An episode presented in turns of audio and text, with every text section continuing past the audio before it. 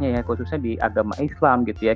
Kita kita dengar yuk praktik-praktik uh, Pak Mirwan uh, terkait pelibatan teknologi termasuk konten audio yang perlu kita gali bareng-bareng. Halo Pak Mirwan. Halo, halo Pak Adi. Cerita dong Pak ya. Mirwan terkait praktik uh, Pak Mirwan di sekolah terutama ya melibatkan uh, teknologi gitu ya baik itu video audio visual dan sekarang konten audio nih saya dengar-dengar Pak Mirwan juga lagi giat nih belajar untuk uh, mengembangkan konten audio dan menerapkannya di pembelajaran. Boleh cerita Pak?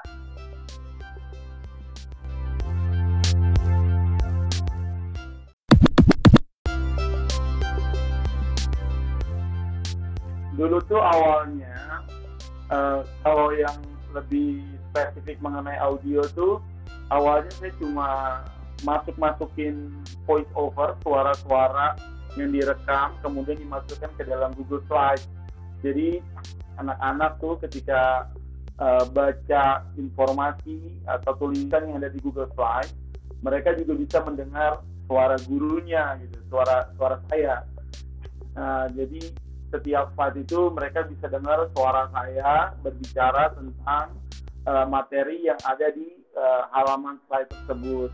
Nah ini kemudian uh, seru juga ya gitu melihat melihat reaksi dari murid-murid karena di sisi lain menurut saya anak-anak jadi kayak ngerasa uh, hadir gitu meskipun mereka bacanya di rumah dengerin di rumah nggak ada saya jadi mereka kayak ngerasa kehadiran ada gurunya di situ. Nah ini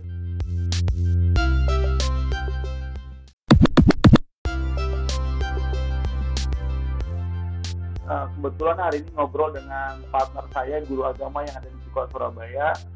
Uh, kami itu hari ini berefleksi bahwa kok susah sekali ya uh, dapat atau nyari referensi tentang pembahasan tertentu, misalnya yang kami bahas ini akan kami refleksikan hari ini tentang takdir Nah itu kalau cari di YouTube itu pasti berat-berat tuh isinya, isinya pengajian atau apa nggak ada yang khusus untuk uh, disajikan untuk anak kelas 6 SD.